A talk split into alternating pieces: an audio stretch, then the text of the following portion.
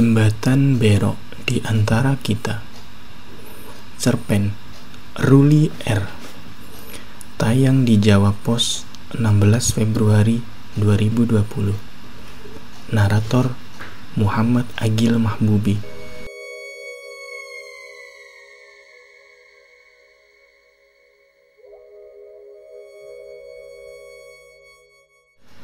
Lin Mungkin terkesan klise tapi tetap harus kubuka surat ini dengan kata maaf untuk segala yang telah berlalu.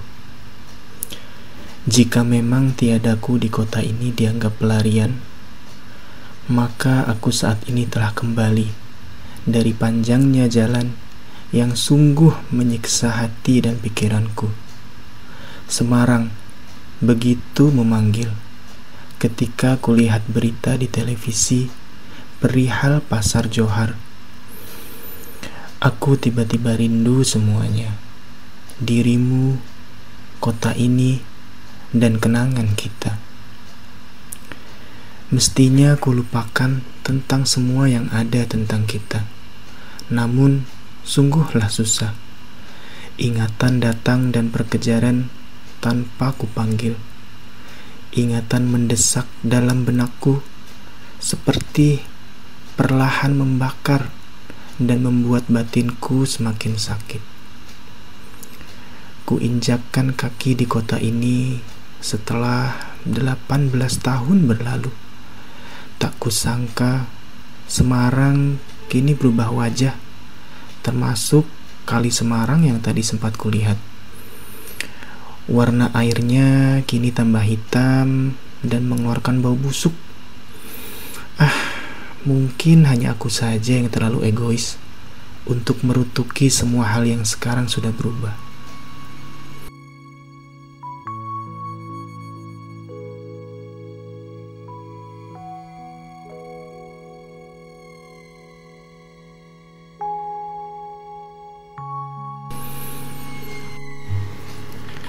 Tempat pertama ku tuju adalah Petekan atau orang kebanyakan menyebut Pulau Petek.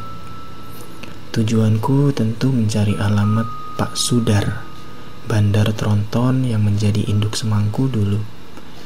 Di sana tidak ada lagi yang ku kenal. Seorang pemuda justru bertanya, tujuanku mencari siapa? Begitu aku mengetuk pintu rumah Pak Sudar. Dia menyebutkan namanya, Ferianto. Aku ingat dia cucu semata wayang Pak Sudar yang saat ku mulai pelarianku umurnya belum genap satu tahun.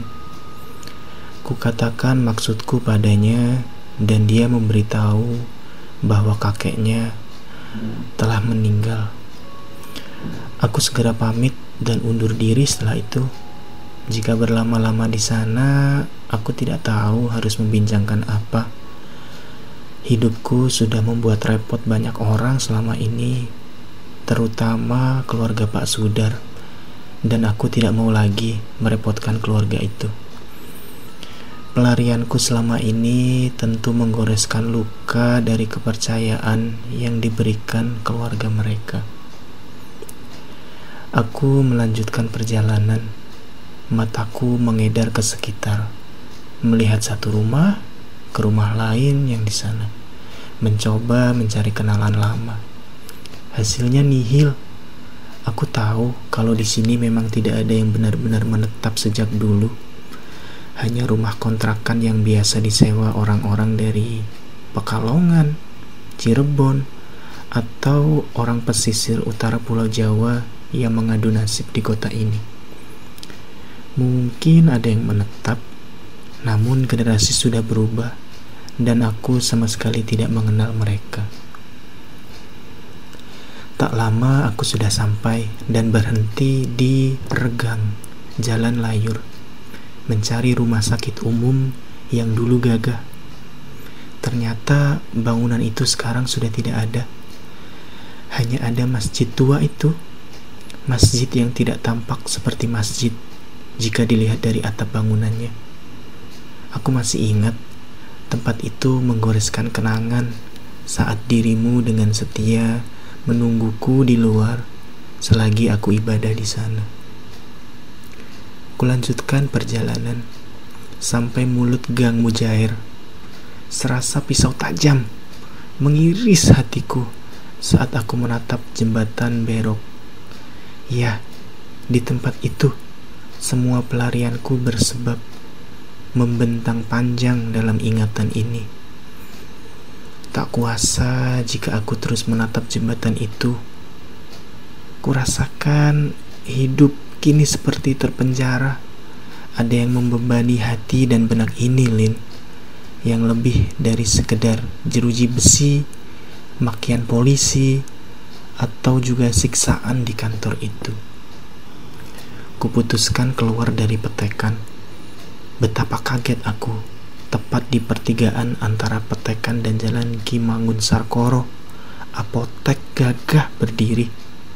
Kebon dalam terpampang di pelakat nama apotek yang tentu tak asing bagi kita, Lin. Aku menyebut begitu karena dirimu pasti ingat tentang itu. Nama tempat itu memang sama, tapi letak yang berbeda tetap tak bisa memanggil kenangan yang sempurna bagiku. Meski kuulangi bahwa itu menyakitkanku, aku memutuskan berjalan saja menuju gang pinggir, tempat di mana apotek kebun dalam dulu berdiri. Aku ingin memunguti sisa dan remah kenangan di sana, Lin. Kenangan saat kita untuk pertama kalinya bertemu. Saat aku masih berseragam biru, meniup peluit parkir, dan mengadu nasib di halaman apotek kebun dalam. Sempat aku berpikir untuk naik becak saja. Namun ketika ku edarkan pandang ke sekitar, kendaraan roda tiga itu tidak ada. Apa mungkin becak Semarang sudah tidak beroperasi lagi? Becak yang terbagi dalam dua warna dan dua jadwal kini terganti dengan lalu lalang dan bising kendaraan bermotor. Jika dirimu masih ingat, Dulu kita sering menghabiskan waktu di kursi becak dengan totok berwarna biru yang artinya jam operasionalnya di siang hari atau saat malam hari becak itu punya totok warna kuning. Terkadang para tukang becak itu juga melepas totoknya untuk mengakali tentang perbagian warna dan jam operasionalnya. Kita pernah bergurau tentang ini, menceritakan bagaimana manusia bisa memutar otak dan bersiasat untuk sesuap nasi. Kita tertawa hampir bersamaan dulu. Namun kita juga tahu kalau tawa itu untuk sesuatu yang sebenarnya getir dan pahit tak ketulungan. Lin yang cantik selayaknya melati yang tumbuh di pot apotek kebun dalam. Jujur, kakiku tidak berat untuk melangkah, tapi Hatiku lain. Hati ini seakan dipukul palu bertubi-tubi. Jarak petekan ke gang pinggir tidak jauh, sekitar 2 km saja. Tetapi dalam benakku, ini menjadi perjalanan panjang yang membentang dan terjalnya bukan main. Lin, apakah ada hal lain dalam diri kita selain kenangan di umur yang sudah tidak pantas dikatakan muda lagi? Sampai aku di gang pinggir, bangunan apotek itu kini menjadi rumah makan. Tidak ada lagi Leksan, penjual bakpao di seberang apotek. Entah sekarang ke mana Leksan yang bertubuh tambun, bermata sipit, dengan cukuran selalu gundul yang rumahnya di daerah Gang Lompok. Aku masih ingat saat pertama aku tanya tentang dia, dirimu menggeleng. Meski sering juga dirimu ke sana namun tetap tidak hafal dengan wajah Lesan. Dirimu justru bercerita tentang Gang Lombok. Aku ingat ceritamu. Konon asal mula nama itu karena banyak pohon cabai yang tumbuh di sana. Aku percaya dirimu perempuan cerdas. Tentu tidak susah jika ku ceritakan kenangan kita dan dirimu mengingat semua. Meski belum membaca surat ini sampai selesai. Ingatanmu tajam seperti nyala kembang api yang memecah langit di malam dugderan. Ya, dugderan. Itulah kencan pertama kita kala malam hari. Menjadi awal dari kencan-kencan yang lain. Meski dirimu lebih suka keluar saat siang hari dan aku meninggalkan lapak parkirku, tapi semua hal itu tidak bisa mengalahkan kencan malam dukderan. Jika dirimu tahu untuk mengantarmu pulang di malam itu, aku terpaksa pinjam uang kawan yang sekarang tulisannya dikenang banyak orang. Meski awal pekerjaannya menempel poster di gedung bioskop kota lama. Jika saat itu dirimu tahu, tentu akan mencegahku. Hal itu yang membuatku tak kuat, Lin. Berkali kencan dirimu yang keluar uang. Bingung ku taruh mukaku di mana. Bahkan suatu kali ketika kita hendak menuju pasar Johar, namun dicegat preman di daerah pasar Sendowo, dirimu merelakan beberapa lembar uang untuk cecunguk-cecunguk itu. Jika saja dirimu tahu, mereka bukan preman sangar. Paling banter di antara mereka hanya penyambung ayam atau buruh pabrik gelas yang letak pabriknya tak jauh dari sana. Saat itu aku bisa saja mengalahkan mereka, tapi dirimu tidak mau ada ribut.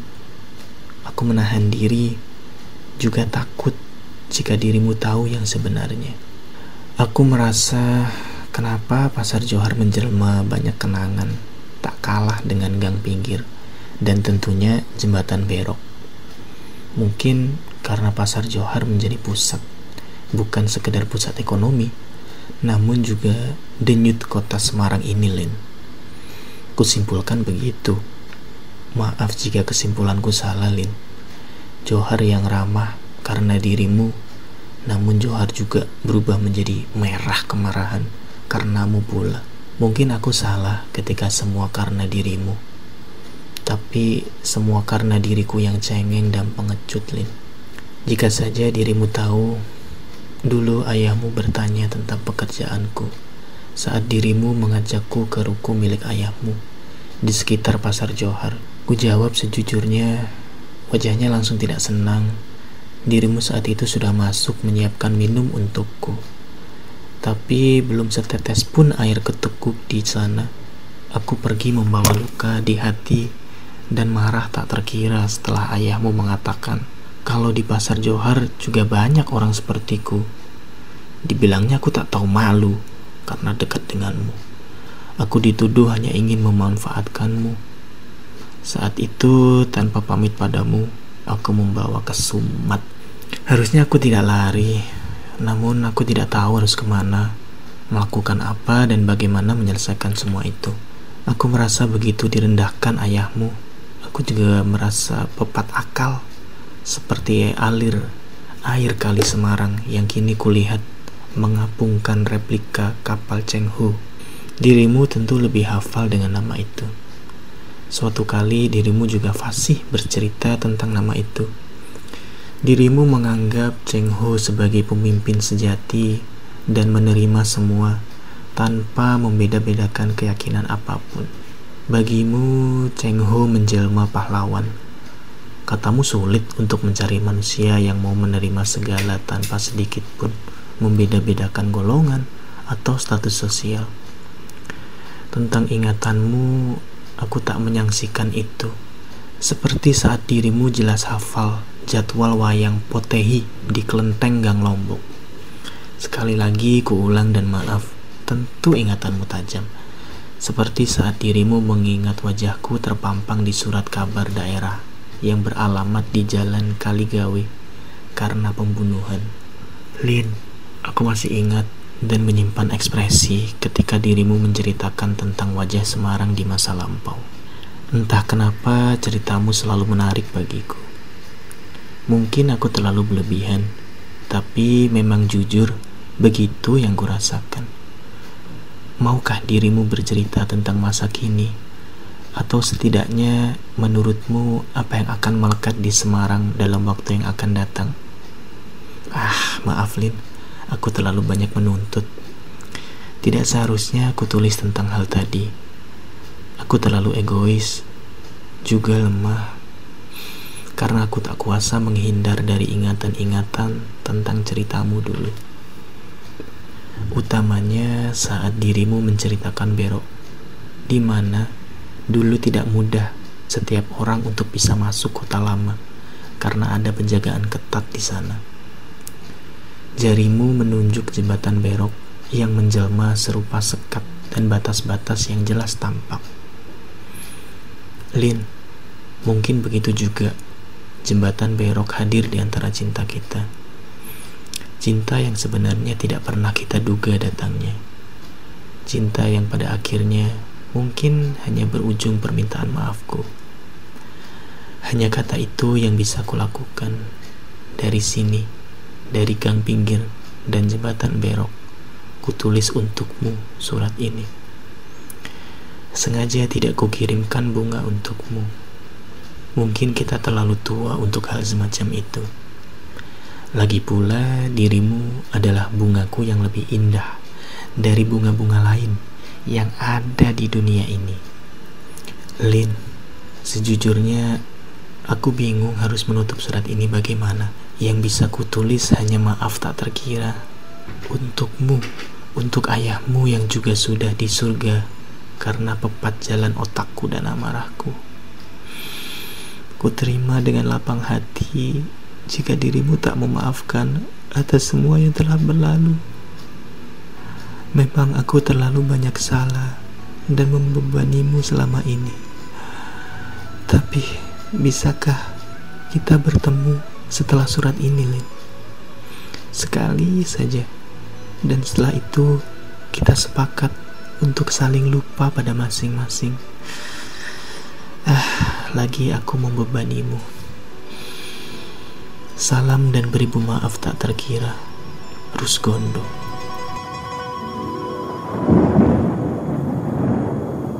Sastra suara ini hasil kerjasama divalitera.org dan Tokopedia.